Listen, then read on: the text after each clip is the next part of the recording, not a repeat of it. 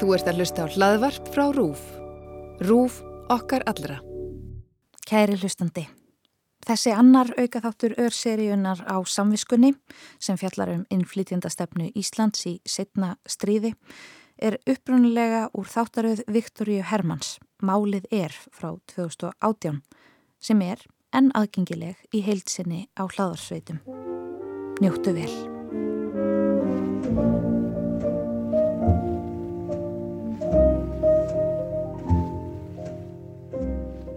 Og það er það sem maður kannski komið nú einna mest á óvart þegar ég byrjaði að gramsa í þessum skjölum var að uppgötva það að Íslands stjórnvöld hefðu áratugum saman fyllt kynþáttastefnu í innflytendamálum. Hreitni kynþáttastefnu. Í þættinum í dag rifu upp sögur Rottberger fjölskytunar sem kom til Íslands árið 1935 eftir að hafa flúið heimaland sitt Þískaland og skoðum hvernig Íslandingar tóku á móti flóttafólki í setni heimstyröldinni.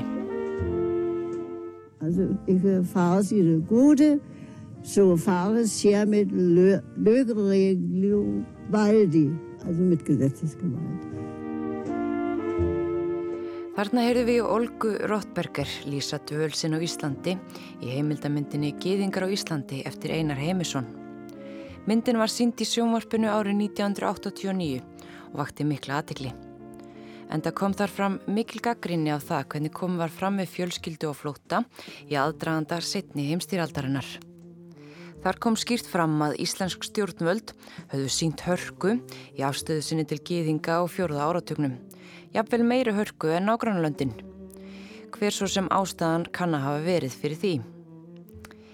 En fyrst fyrir við tilbaka, alveg til ársins 1935, þar sem saga þessarar flóttafjölskyldu hefst. Við byrjum í Berlin í Þískalandi árið 1935. Það eru tvö orliðin frá valdatöku nazista og gýðinga verða fyrir ofsóknum í auknum mæli. Ungiðingahjón, Hans og Olga Rottberger, eru hrættum lífsitt í borginni. Olga er ófrískað fyrsta barni þeirra hjóna. Hans reykur verslun sem selur útarfstæki en reksturinn gengur erfiðlega þar sem nazistatnir sækja harta að honum. Hjónin finna að þau verða að fara ef þau vilja bjarga lífi sínu. Hans er gert erfitt fyrir með rekstur verslunarinnar og eftir að samkeppnisaðali að arískum uppruna kvartar undan reksturinnum þá er hans handtekinn Olga sagði síðar, rúmum 50 árum eftir þetta, í viðtali við þjóðulíf, að þegar stjórnvöld hefðu komist að því að þau væru gýðingar þá hefði hans verið bannað að selja ímsar vinsalar vörur. Olga segir svo frá í viðtalinu. Allir þeir sem ráku útvarpsbúðir þurfti að láta skrásetja sig sérstaklega. Þegar menn komust að því að við vorum gýðingar, fengum við ekki lengur að selja ímsar vinsalar og eftirsóttar vörur í versluninni. Samt sem áður reyndi eiginmaður minn að halda áfram að útvega sér og selja vörurnar. Skömmu síðar var hann kallaður fyrir lauruglu og yfirheyrður, en meira var ekki gert í málunu fyrst í stað. Víst er að einhver hafi sagt til hans, líklega samkefnisaðili. Hans var svo aftur handtekinn og þá neftur í gersluvarðhald, þar sem Olga mátti ekki heimsækjan. Ég mátti ekki heimsækjan í fangilsið og frétti ekkert af honum fyrir hann var komin aftur. Þá var hann gjörbreyttur maður. Hann sagði mér það aldrei, en ég tel víst að hann hefði orðið að þóla mistyrmingar, játmvel pyntingar í fangilsinu. Hann barða utan á sér sem hann hafið þólað.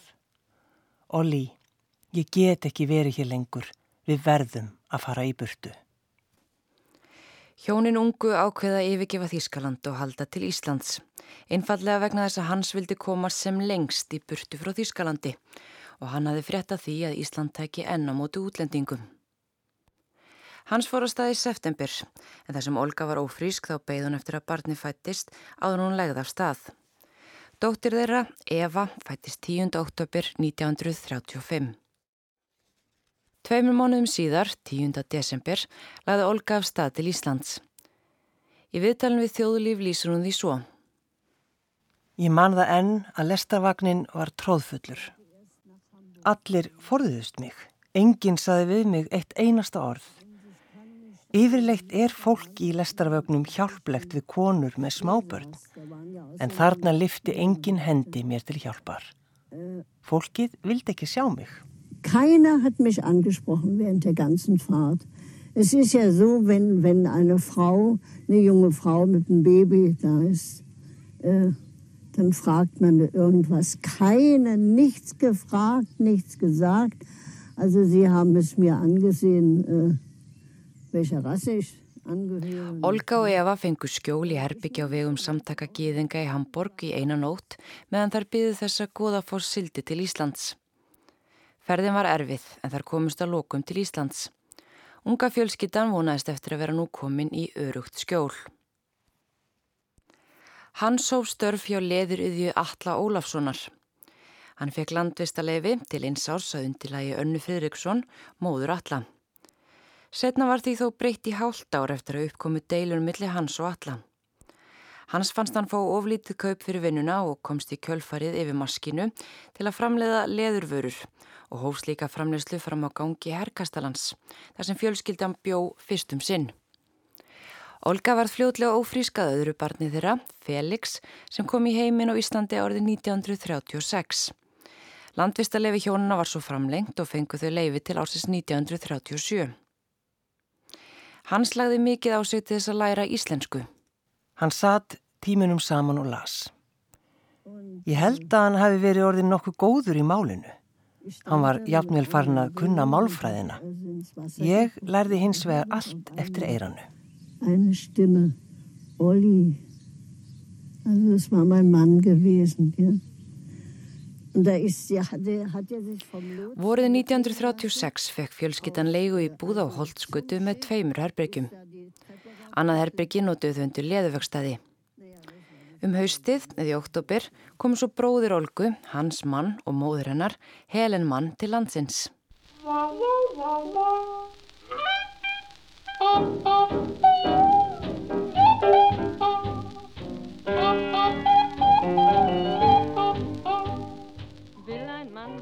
Sögur Rottbergur fjölskytunar hefur verið gerð skilin okkur sunnum áður en líklega fyrrnemt viðtal sem Einar Heimisson heitinn, bladamadur og rítufundur, tóku Olgu einna eftirminnilegast. Í framhaldunni gerði Einar sjómasmynd sem sínt var í sjómarpinu árið 1989 þar sem rætt var við Olgu og bróður hennar hans mann. Það var hins vega fyrir tilstilli Þórs Whitehead sagfræðings að sagan var rivjuð upp fyrst. Raunar var það svo að lítið hafi verið rætt um gýðinga sem reyndi að fá landvistarleifi á Íslandi á árónum fyrir setni heimstyröldina. Íslandinga veittu nokkur um gýðingum landvistarleifi, en þó voru nokkur sem voru sendir frá. Þór segir svo frá. Já, það sem að koma þessu allar stað var það að ég var að skrifa doktorsýkjörð um Ísland á strísárunum og e, fór í gögn utarrikiðsraðanætisins og dómsmálraðanætisins og var þá fyrst og reynst að, að leita að, að skjölum um samskipti Íslendinga þá við stórveldin og þá sérstaklega þjóðverja á þessum tíma. Og þar eiginlega bara óvænt fann ég þessi gögn sem síndu hvernig gýðingar hefðu reynd að komast til Íslands í mikilli örvendingu á fjórða áratögnum og jáfnframt hvernig Íslendingar hefðu hafnað þessu fólki. Nú var það svo að ég hafði vissulega séð frásagnir, sérstaklega frá Hendrik Ottósinni sem var maður sem að hér gerði meira til þess að hjálpa gýðingum og flóttamannum heldur en nokkur annar maður á fjóruð áratögnum. Þannig að mér var svo sem kunnugt um það að það hefði eitthvað gerst í þessa áttina en ég gerði mér alls ekki grein í rauninni fyrir umfangi málsins má segja og því drama sem að lág í þessum gögnum öllum saman. Hvernig fólk hafi leitað hingað hundruðum saman eftir skjóli og ekki fengið. Gýðingar flúðu Þískaland til þess að reyna að bjarga lífi sínu og stjórnvöldum hér á landi bárust umsóknir frá fólki sem óskaði eftir dvalarlefi. Það var lítill hópur sem að komst inn í landið og hann átti að nokkru mjög erfitt uppdráttar um, almennt var stefnan svo að Ísland væri lokað fyrir innflutningi fólks og þá sérstaklega lokað fyrir gýðingum.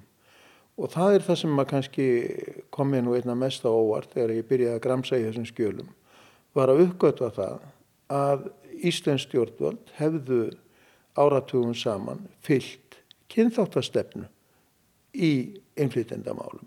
Hreitni kynþáttastefnu. Og e, það má spyrja hverjar voru fósendurnar.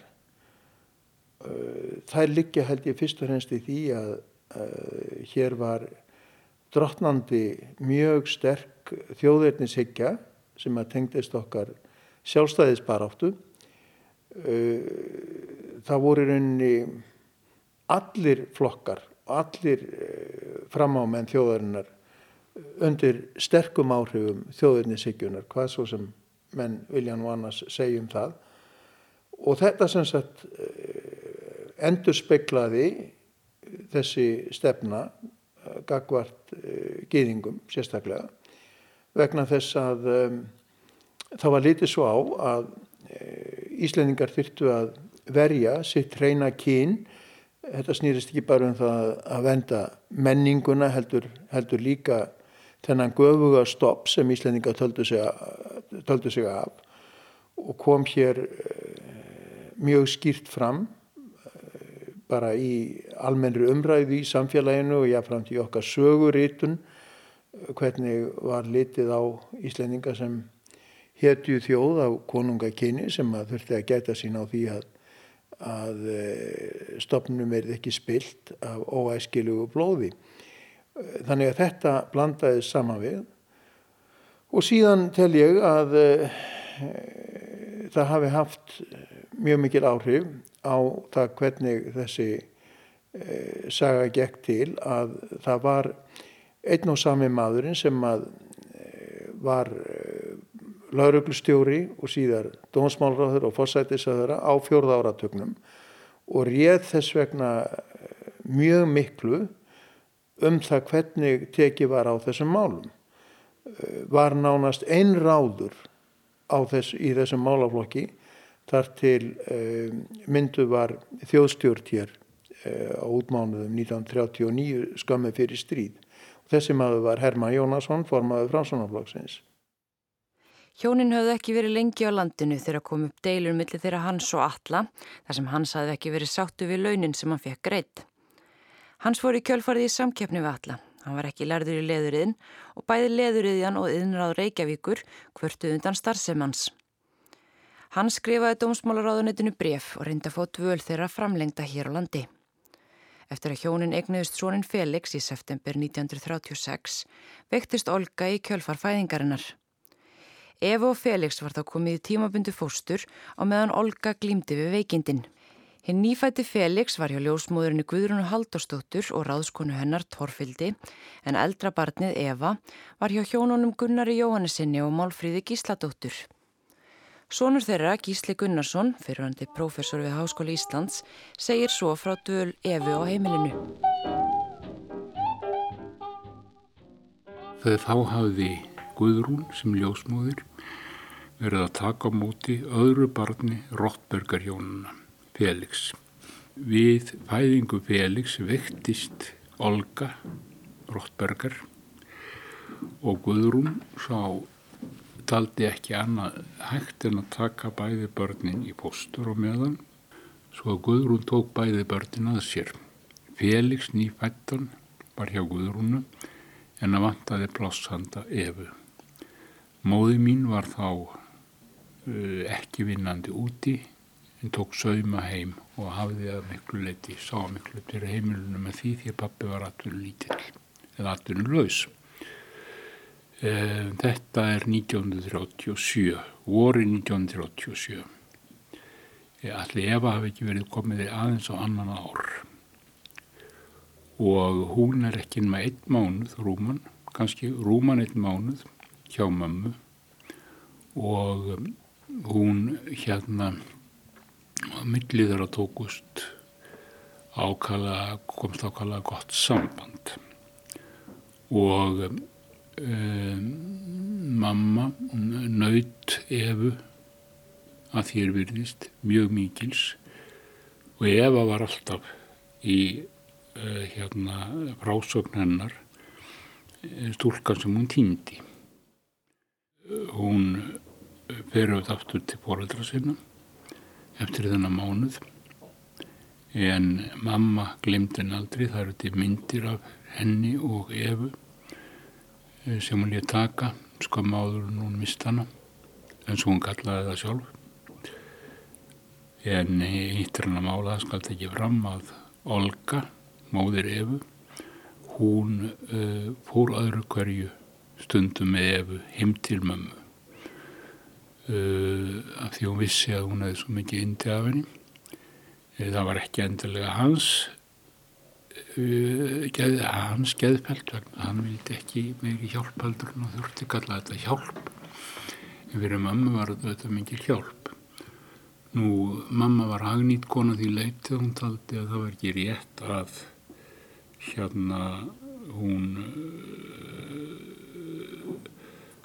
að það var ekki rétt að eh, eignast börn á þessum greppu árum. Pappi var að miklu datunlaus og mamma sá fyrir því sem til var með saumaskap sem hún tók heim og uh, uh, mamma vildi presta barndegna um þess einna. Þau voru búin að gifta þrjú ára sem ég sagði þegar ég var kom. En eftir þetta breyttist það og mamma fór strax að áalla barn og það barn var ég. Um, ætli ekki fættu svona 10-11 mánuðin að treyða frá henni.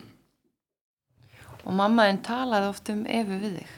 Um, hún talaði yfir þetta eftir sín barnsmynnings mín segir mér. Þá uh, var Eva samfelt umræðefni hjá henni þegar ég var lítill strákur. Um ára eftir að Felix fættist fekk fjölskyttan sendt brottrækstrabrif þar sem þeim var gert að yfirgefa landið. Í viðtælinn við þjóðulíf lýsir Olga því á þennan hátt. Egin maður minn skrifaði dómsmálar á þeirra bref þar sem hann beittist þess að við fengjum að vera áfram en beðni hans var hafnað. Við snýrum okkur líka til danska sendiherrans en ekkert dugði. Engin Íslendingur veitt okkur lið í þessari barátt okkar en okkur hjálpuðu okkur fjárhalslega þegar sínt var að okkur er því vísað á landi með tvö börn eins og tveggjara. Íslendingar höfðu enga ástæðu til að vísa okkur úr landi. Þeir hluta vita hvernig ástand mála var í Þískalandi. Ég trúiði ekki að allir þessi íslensku stjórnmálamenn hafi ekkert vitað. Ég myndi líka því við réttarmorð sem íslensk yfirvöld fröndu á okkur. Þau senda okkur í rauninni beint aftur í dauðan. Ég veit ekki hvað olli þessari ákverðin Íslendinga. Kanski var þetta útlendingahatur, kannski eitthvað annað. Olga lýsir því einni hvernig þau voru köllið á lauruglustöðuna til yfirheyslu. Þar voru við sett í harkalega yfirheyslu, hvort í sínu lægi. Ég hafði aldrei áður verið köllið fyrir lauruglu á æfinni. Ég man að varstjórin spurði mig margra áleitina spurninga. Að lokum sagðan við mig eftirfarandi setningu og ég man hana enn á íslensku. Ef þér farið ekki með góðu, þá farið þið með laurugluvaldi. Hvis Sie ikke, altså, ikke farer sine gode, so fares her mit Lögeregelvaldi, also mit Gesetzesgewalt. Olga þuldi upp síðustu setningun á íslensku. Þráttur er hafi ekki hitt Ísletting síðan hún fór frá Íslandi og þar til hún hitti Einar Heimisson þegar hann tók viðtali við hann í Freiburg. So was ähnliches, war Polizeichef. Und der hat uns auch verhört und dann hat mein Mann gesagt, ja, er findet das als, als, er empfindet das als Unrecht und äh, sie schickten uns ja in den Tod. Fjölskyttan var svo flutt með laurugluvaldi úr landi 10. mæ 1938. Skipið stoppaði á leiðsinni til Þýskalands og þar sem vinafólk Rottberger hjónana í Danmörku höfðu beðist fyrir um hæli fyrir þau, fenguð þau að fara úr skipinu þar og sækjum hæli. Þar með var þrautagöngu fjölskyttunar þó ekki lokið. Eftir að þau fóru úr landi hugsaði móður Gísla oft til Evilitlu sem henni hefði þótt svo væntum. Hún vissi ekkit um örlu fjölskyttunar, hvort þau hefði verið sendt beint í opin döðan til Þýskalands eða hvað hefði orðið um þau? Um, þetta var ægilega sárt. Ég held að það verið í mæbyrjun 38. Ég fættur í mars 38. Mamma var ekki sérstaklega færum vegna að ég var með nýfættan strák mig að gera nokkuð í málunum. Pappi hafði ekki þau sambönd sem að gáttu leiðið fyrir og gáttu hjálpað. Mamma hefði hugsanlega geta haft þau sambund vegna gunningskapar við þávarandi fjármálaráþra Ístin Jónsson en gæti ekki beitt sér. Vegna fæðinga minnar held ég, þetta er bara skýring mín síðar. En hérna, þetta er nú gunningasamfélag var að jafnlega ennþá mér að þá eldur en núna. Þannig að fólk atfengið ímislega ekki gunningskap en Það ég held að vera engin tilvílun að þeim er vísað burt skömmu eftir að ég fæðist. Og mamma var ekki aðstöðu til þess að tala við valdanen sem hún þekkti. Og ég, þetta var henni mjög sort og hún fyrirgaði aldrei. Og uh, þetta lág eins og harmleikur líka yfir minni fjölskyldu. Um, hvað snertir hitt og guðrúnum saði Guðrún eitthvað á þá leið einu sinni. Sko hitta var mjög viðkvæm kona sem greita minnsta tilefni. Við skulum ekki tala neitt um það meira. Guðrún var kaldari, hardari á yfirborðinu. Einu sinni hef ég sé að sá ég hann að gráta. Það var eitt tíman á sjönda áratögun. Þá sagði hún við mig og, og var með tári augunum ég gæti ekki hjálpa þessari fjölskyldu frá því að vera flutt út vegna þess að ég var korki kratið að komi. Kratarnir björguðu sínu fólki sem kom með, með flokkskýrteinu frá Sosialdemokráti Þískalflokki Þískalands og komarnir hjálpuðu, reyndu að hjálpa sínu fólki og tókst það alltaf yfir leitt, ekki alltaf, en yfir leitt ef þau kom með skýrteinu frá kommunistflokki Þískalands. Ég var bara í sjálfstæðisflokknum en þeir vildi ekki hjálpa mér. Telur þú að Íslands stjórnvöld hafi brúðist þessari fjölskyldu? Ja, brúðist. Herman Jónasson segir sangand Vilhjólmi og það er haft þegar hann hefur það upp úr skjölum danska auðverkisráðanetisins að eh, Herman Jónasson vorsetsar og það hafi sagt við e, danska sendiðar þegar hann var að byggja fjölskyldunni greiða Nei, við getum það ekki því að við viljum ekki fá gýðinga hér á landunum. Þetta er sagt 1937 um höstið og svo bætt hann við en fyrir því norð og fleiri,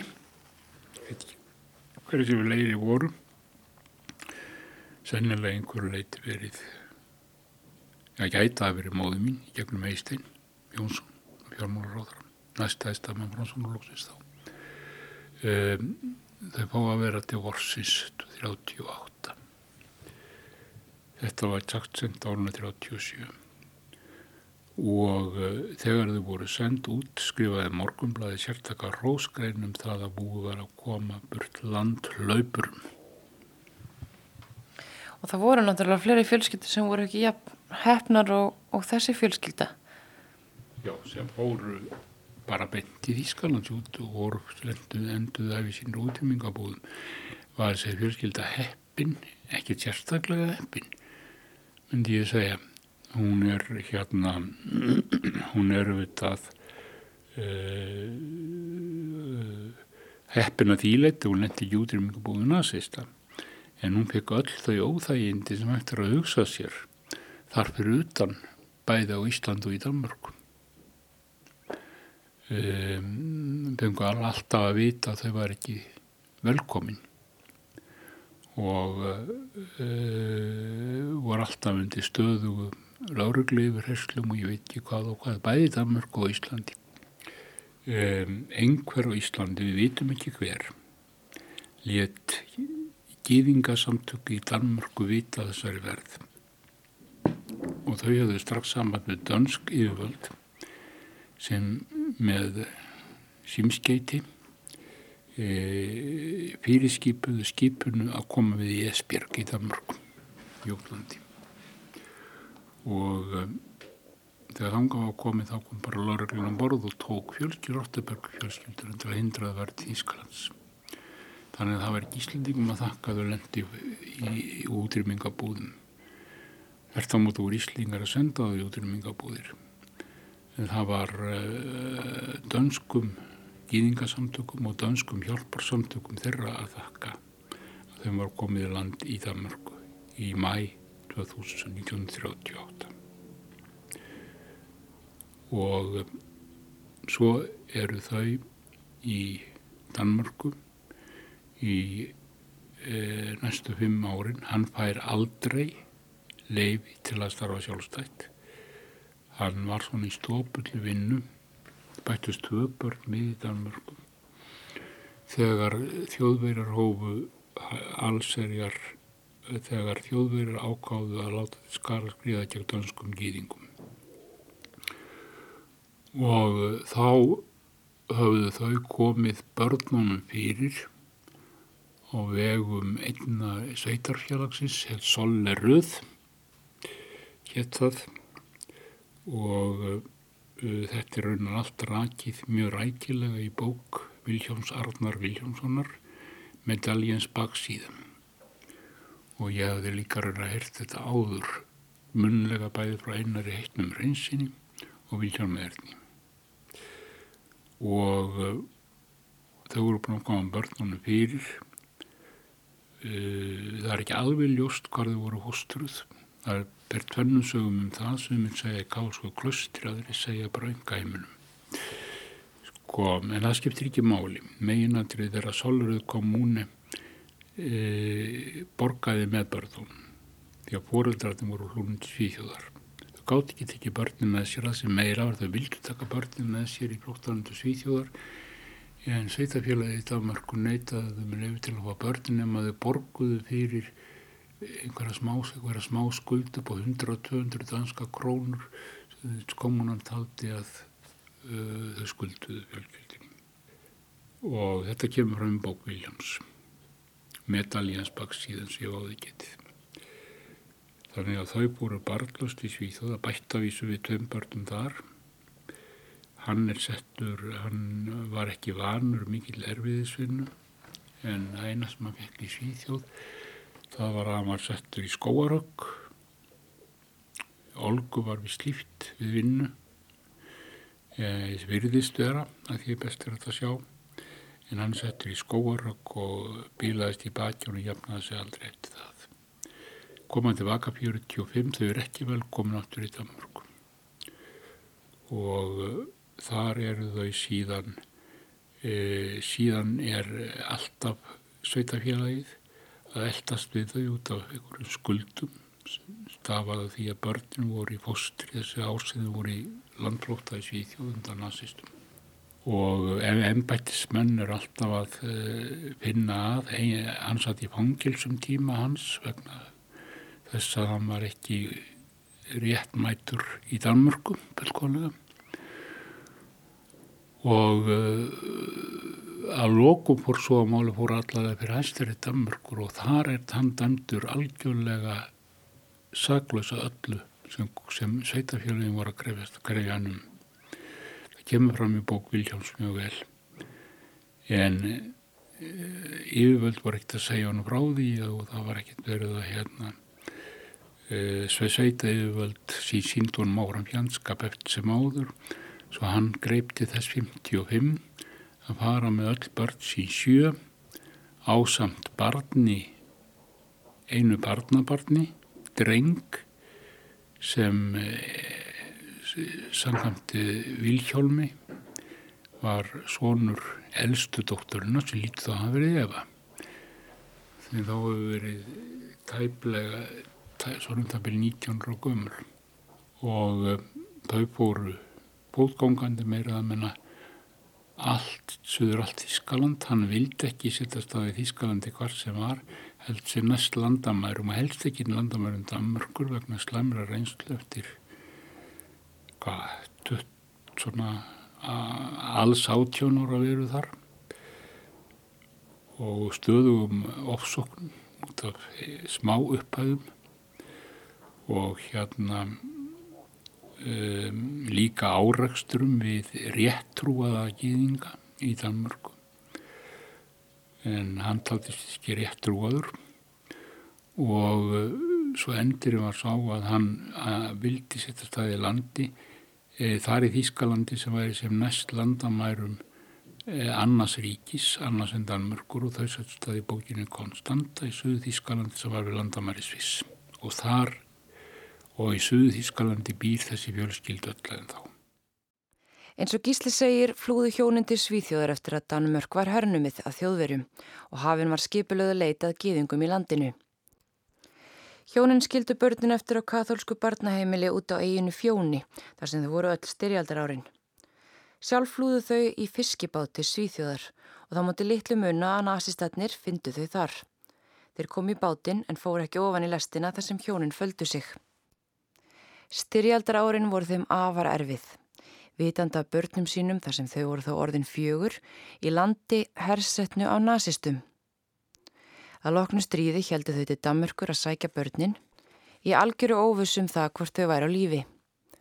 Fyrir ótrúlega mildi hafðu öll börnin lifað stríðið af og fjölskyldan samanæst á ný og held til Þýskalands.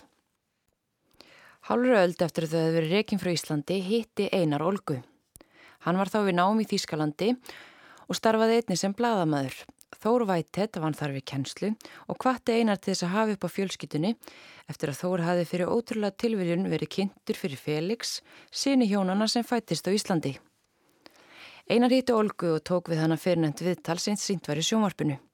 Þegar örlög fjölskytunar komi ljós voru ekki allir og eitt sáttir við að einar verið að draga þetta fram.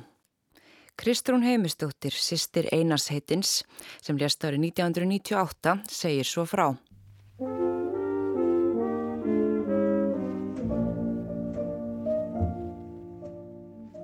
Einar var sem sagt í Freiburg í Þískalandi, þá vestur Þískalandi en þá eh, háskólanemi og, og hann sem sagt hafði fengið kannski svolítið sérstakann áhuga á þessum tíma vegna þess að hann, það fyrsta ári sem hann var í Freiburg þá þýtti hann eh, sögu kvítur ósarinnar sem að eru kannski þekktasta ansbyrna sem að Hitler fjekk í Þískalandi svona setna meir. Þar að segja það er saga kvítar ósin var, voru hópur stúdenda við háskólinu München sem að fóru 1942-43 að dreifa svona já, dreifibrefum það sem þau voru að segja sannleikan um stöðuna á Ísturvíkstöðunum og hvetja samborgari sem til þess að rýsa upp gegn hennu hróðarlega valdi nazismas og þetta er einnig núna á okkar tífum er þetta kannski þekktasta og svona, svona það sem að þjóður er að horfa mjög til þegar hortu tilbaka og sínir svona fram á það að, að það, fólk gæti vitað hvað var að gerast í Ískalandi. Þannig ég held að einar hafi verið undir áhrifum af þessu. Og, og það var þannig að, að eh, hans þess að var vinnur hérna eh, Ingi Ækjarsjól sem gaf út bók um, sögu sískina sinna. Og það var í gegnum mann sem að kynntist í Þískalandi sem að kynnti þau. Og ég held að þarna hafi vaknað eitthvað svona meðvitund sem, sem verður svo til þess að þeirra uh, það kemur svona hann átti sig á því að hann geti fundið Olgur Rottberger sem að bjó í Konstans sem er rétt hjá Freiburg eða nálegt Freiburg í Suðu Þískalandi og hann fer og hittir hanna og tekur við hann að viðtal fyrir þjóðlíf, hann er þá bladamár af þjóðlífi.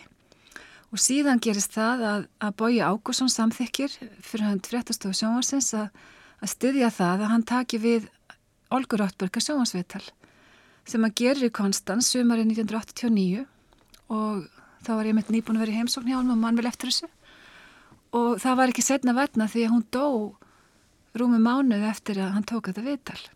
Og ég held og mér finnst að það sé raun og veru ótrúlega mikilvægt í samengi þessara sögu að hún skildi fá að segja sögu sína með einn orðum í svona sjónvarsvél og að við Íslandingar skildum þá fá að eiga það og geta séð það og það vera til í sapni sjónvarsins hérna og sama á við um bróðurnar Hans Mann Jakobsson sem var eftir á Íslandi og, og talaði einmitt íslensku í, í hérna, myndinans einars þannig að ég held að það sé mjög svona mikilvægt testimonial eða, eða vittnesburður að þau skulle hafa fengið að tala við, við myndavélina, ef svo maður segja. Ob ich wie lange ist er in der Haft geblieben? Einige Wochen, ich weiß aber nicht wann. Viðtali vakti mikla aðtikli en það kom þar bersinlega í ljós að hjónunum hafi verið vísa frá vegna kynntáttar síns. Kristrún segir að einar hafa ykkur leiti orði fyrir hálgjörðu aðkasti í kjölfar þess að myndin var sínt. Þau hefðu ekki sjálfengi að tala og, og, og þetta vakti náttúrulega alveg rosalega viðbröð þegar myndin er sínt. Mér minnir að það hafi verið, það var 28. ágúst 1989 í Marrétt og hérna og það var sem sagt alveg svakalig viðbröð sem myndin fekk, hún fekk mjög mikið áhorf met áhorf fyrir slíka mynd. En það var líka þannig að það, það voru margi mjög reyðir og það voru hérna þetta var auðvitað verið að rjúfa tabu á vissan hátt, þetta var ekki hlutur sem að Íslendingar vildu heyra að, að það væri möguleiki einhvern veginn að Íslendingar hefði ekki verið bara svo góðir að, að sjá að það ætti að vera að, að geðingar var í, var í neyð og það þyrt, þeir þyrtu skjól. Og það væri lífsbursmál fyrir þetta fólk jáfnvel að fá slikt skjól. Heldur og þess vegna var þessi svona veruleiki sem var líst í myndinni bæði af þeim tveimur auðvitað en líka af, af samtíma heimildum eins og leiðaraskrifum dagblæðana og, og ákverðinu sem áþyrar og stjórnveld voru að taka og hvernig lauröglan ber sko fjölskylduna út í skip og börnin. Þetta er mjög harkalegt og þar auki er þetta náttúrulega allt í einur Ísland komið inn í þessa hróðarlegustu atbyrðu 20. aldar sem eru, eru hérna helfurinn og hérna og ofsóknir, geðinga ofsóknir í, í, á stríðsarán og fyrir stríðu þetta því að þau hérna höfðu náttúrulega komið frá Berlín til, til Íslands, flúið frá Berlín. En en sérst viðbyrðin voru bæði það að þetta vakti miklu aðtikli en líka raunumillega mjög mjög hörða hálfu margir íslendinga. Margir íslendingar eru mjög reyðir og, og ég man eftir því að þjóðarsálunar ástfö var þarna í því hámæli að það var bóstalega all þjóðfélagsumræðan byrtist í þjóðarsálinu og allir, allir hlustu á þjóðarsálunar ástfö og ég man eftir því að þar til dæmis að fólk alveg ofsalega reytti yfir því að einar skildi sína fullarinn Karlmann Hansmann Jakobsson gráta. Hann skildi hafa sínt það en ekki klifta út. Og það var alveg sko ofbáslar formálingar sem komið frem í eins og ég man það.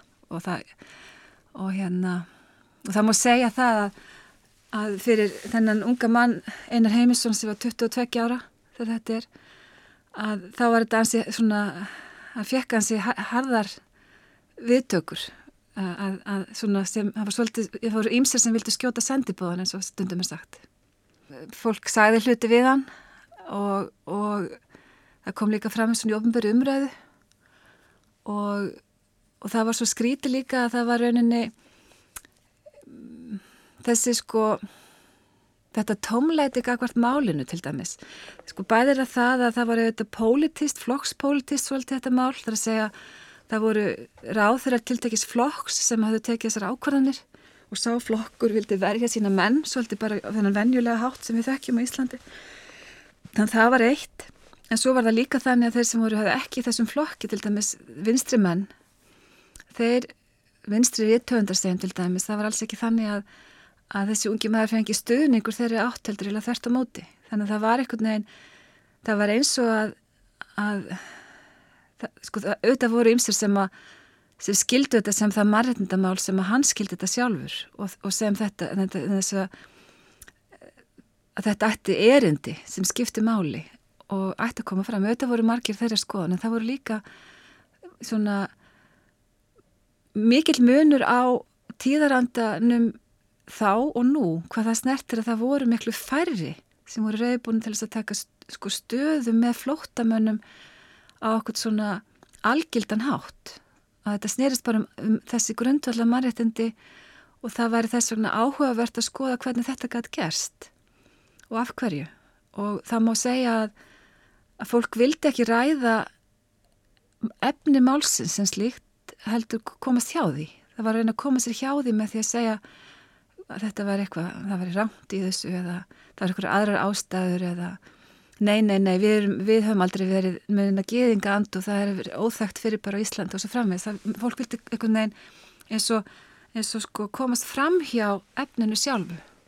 Og ég held að það hef ekkit annað vaka fyrir einar heldur en bara setja fram þetta sem áminningu um, um þessa um mannréttindi. Og sem náttúrulega eru þetta það sem gerðist í öllum löndum í Európu var þetta uppgjör við stríðið og allt, allt skipula hérna Európu eftir lóksíðari heimstreldar snýrist um það að koma veg fyrir nokkuð svona gerðist aftur og ég held að það hefði svona verið þau áhrif sem að bróðum minn var að upplifa í sínu háskólanámi í Súður Þískalandi á þessum tíma. Þegar Þór Væthet gaf út bók sína Stríði fyrir ströndum, þar sem byrtist frásögn hans, af því hvernig stjórnvöld höfðu brúðist við gýðingum sem reynda að leita hér hælis, þá segist hann lítil sem engin viðbröð að fengi við því. Jú, ég verði að segja það að manni var hálf brúðið af því að lesa lýsingar á því hvernig var tekið á málum einstakra manna hér og hérna maður gæt mjög hljótt átt að segja á því að að þetta fólk hafði búið hér við, við mikla erfiðleika og, og áhyggjur. Og um, síðan komst ég í samband við þetta fólk líka. Uh, það voru allt nokkrir á lífi þegar ég byrjaði þessar rannsóknir og gáttu sagt sögu sína og hún kom fram í, í mínum bókum. Þannig að uh, jú, vissulega þá Eh, svona get ég ekki sagt annað en að, að það hafi hafi ímislegt komið, komið manni óvart í þessu bara í þeirri hörku sem að, sem að stundum var beitt í þessum málum óneitanlega. Þannig að það hefði ekkert verið rætt um þessi mála áður þegar þú stígur fyrst fram með þetta? Já, eins og ég segi að þá hafðu eh, byrst frásagnir eh, um mál einstakra flóttamanna hér. Eh, þá aðalega má segja á vinstri vagnum eh, Hendrik Ottosson var einn af frumherjum kommunist á Íslandi og hafði aðalega tjáð sig um þetta í þjóðviljanum sem var málgagn kommunist og síðan sósélista og hérna það hafði líka farið fram hér umræða má segja í stríðslokum þessi mál. Það er að segja að þegar að má segja að, að, hérna, að það hafi opnast þessi hryllingsheimur þrýðaríkisins þýska og menn eh, áttuðu sig á því hvað hefði farið fram þar í, í uh, gasbúðunum og öðrum útrýmingarbúðun nazista að þarna hefði átt sér stað uh, ósköp af mannavöldum og sem að ættu sér tæplega nokkra hliðstæðu þannig að, að það hófst hér umræða í stríðslokk um eh, framkomu íslenska stjórnvalda á þessum tíma og sérstaklega það sem að, að sósialistar uh, gaggríndu þá Herma Jónasson uh, fyrir hans stefnu í þessum málum fyrir stríð. Og um þetta var deilt meðan hans á alþingi. En þessi umræða stóð mjög stutt í rauninni og hún fór kannski ekki fram bynnis á þeim nótum að að hér hefur verið fyllt eh, svona ákveðinni ákveðinni hugmyndafræði að stefnu í þessum málum meira þannig að það veri verið að deila á Hermann uh, að pólitískum ástöðum koma höggi á hann og, og framsvonarflokkin aðra kannski.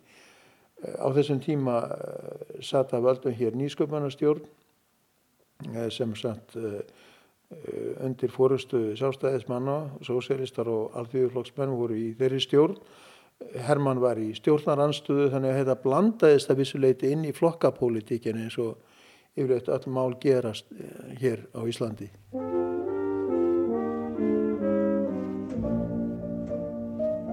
Í raunverulega má segja að í allri Evrópu hefur, hefur núna í 70 ár verið sko liti á, á þessa hluti þar að segja viðbröðu all, allra þjóða við flottamannavandanum og sérstaklega geðinga ofsóknum sem náttúrulega hóst fyrir stríð og flottamannavandanum sem var svo eftir stríð og, og allir þessum yfirtöku nazisma og fasisma á, á hérna Evrópu og þessu rillilega styrjald allt þetta hefur verið algjörlega miðlagt í öllum vestrannum samfélagum hvernig, af hverju bröðust við svona við en ekki hinsægin og hvernig hefur við að tryggja það að ekkert svona geti gæst aftur. Þetta hefur verið það sem að, það sem að allar alþjóðastofnunar eða allar evróskar hérna, fjölþjóðlega stofnunar til dæmis hafa meira minna snúist um. En, en við litum eitthvað eins og alltaf svo að þetta kemi okkur ekki við. Og ég held að, að þegar að þetta var síðan þessi saga Róttbergar fjölskyldunar var færði í áhrifaríkasta miðilinn sem er sjónvarpið. Þá held ég að mörgum hafi bröðið mjög mikið. Harkan gagvart fjölskyttinu og áherslan á að koma nú landi virðist hafa verið mikil. Í brefi frá skristofu lauruglustjóðans í Reykjavík sem dagsettir 7. mæ 1938, daginn eftir að fjölskyttan var flutt úr landi með laurugluvaldi, má sjá hver gengi var harta eftir því að þau færa af landibrott. Þar minnir lauruglustjóra ennbættið ráðuneytið á nöðsinn þess að ef fólki fá ekki landvistarleif í Damurku, það verða flutt strax aftur til Þýskalands. Á þessum tíma hefði stjórnvöldum þá átt að vera ljóst hvers konar ástand var í Þýskalandi og að lífi fjölskytuna væri stemt í voða eru þau sendt þangað. Gýðingum var á þessum tíma vísað á landi en öðrum þjóðverum en gýðingum var hins vegar ekki vísað á landi að við verum auðvitað að horfa til þess líka og við skulum aldrei láta okkur detta það í huga. Íslendingar hefðu einhvern veginn geta leist vanda 800.000 eh, mann sem að nazistar skilgrindi í Þýskalandi sem, sem uh, gýðinga. Það komu auðvitað aldrei til greina.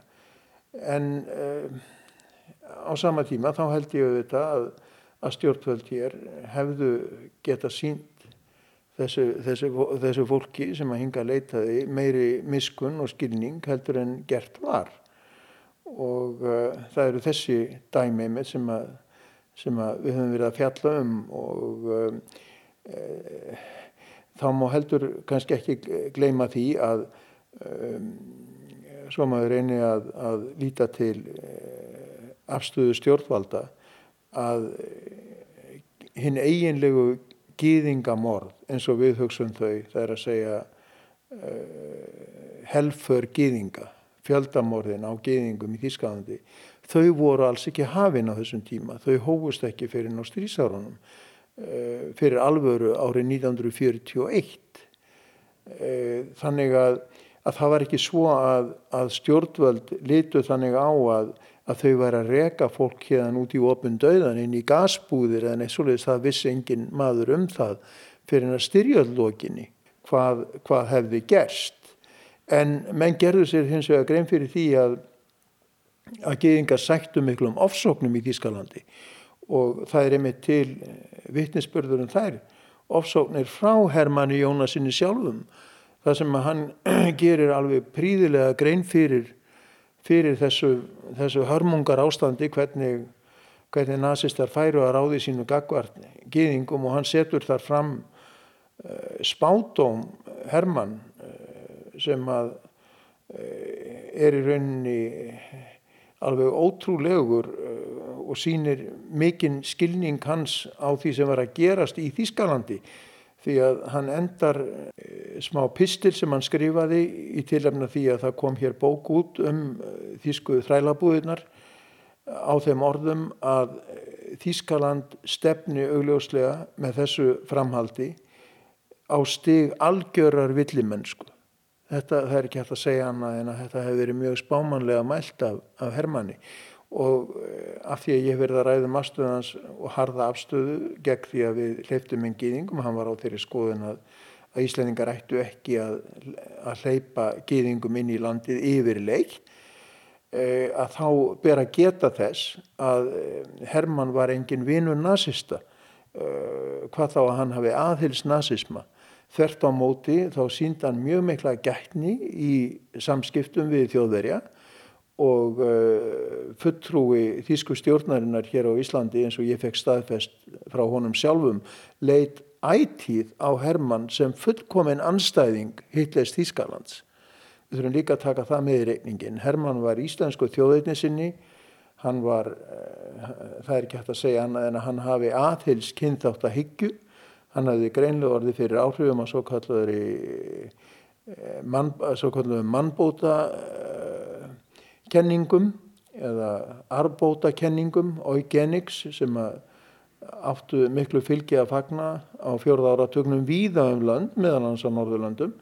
Það er að segja að, að þjóðum bæri, bæri að norrænu þjóðunum og germansku þjóðunum bæri að halda sínum kynþætti hreinum og rækta hann. Eh, að þrátt fyrir allt þetta eh, þá var Hermann anstæðingur nazismans og eh, væri fráleitt að, að, að að halda því fram að, að það hafi verið af ykkur vináttu við nazista sem að, sem hann fylgdi eftir þessari stefnu sinni í einflýtindamálunum.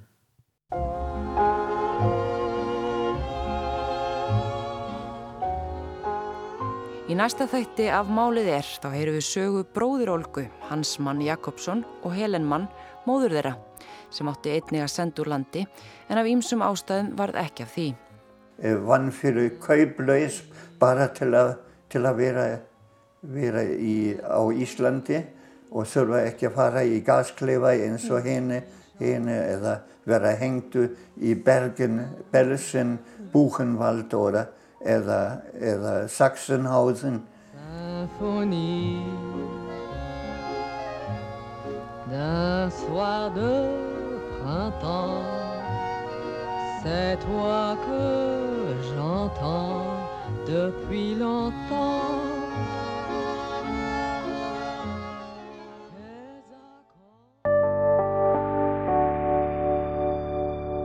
Rúf okkar allra.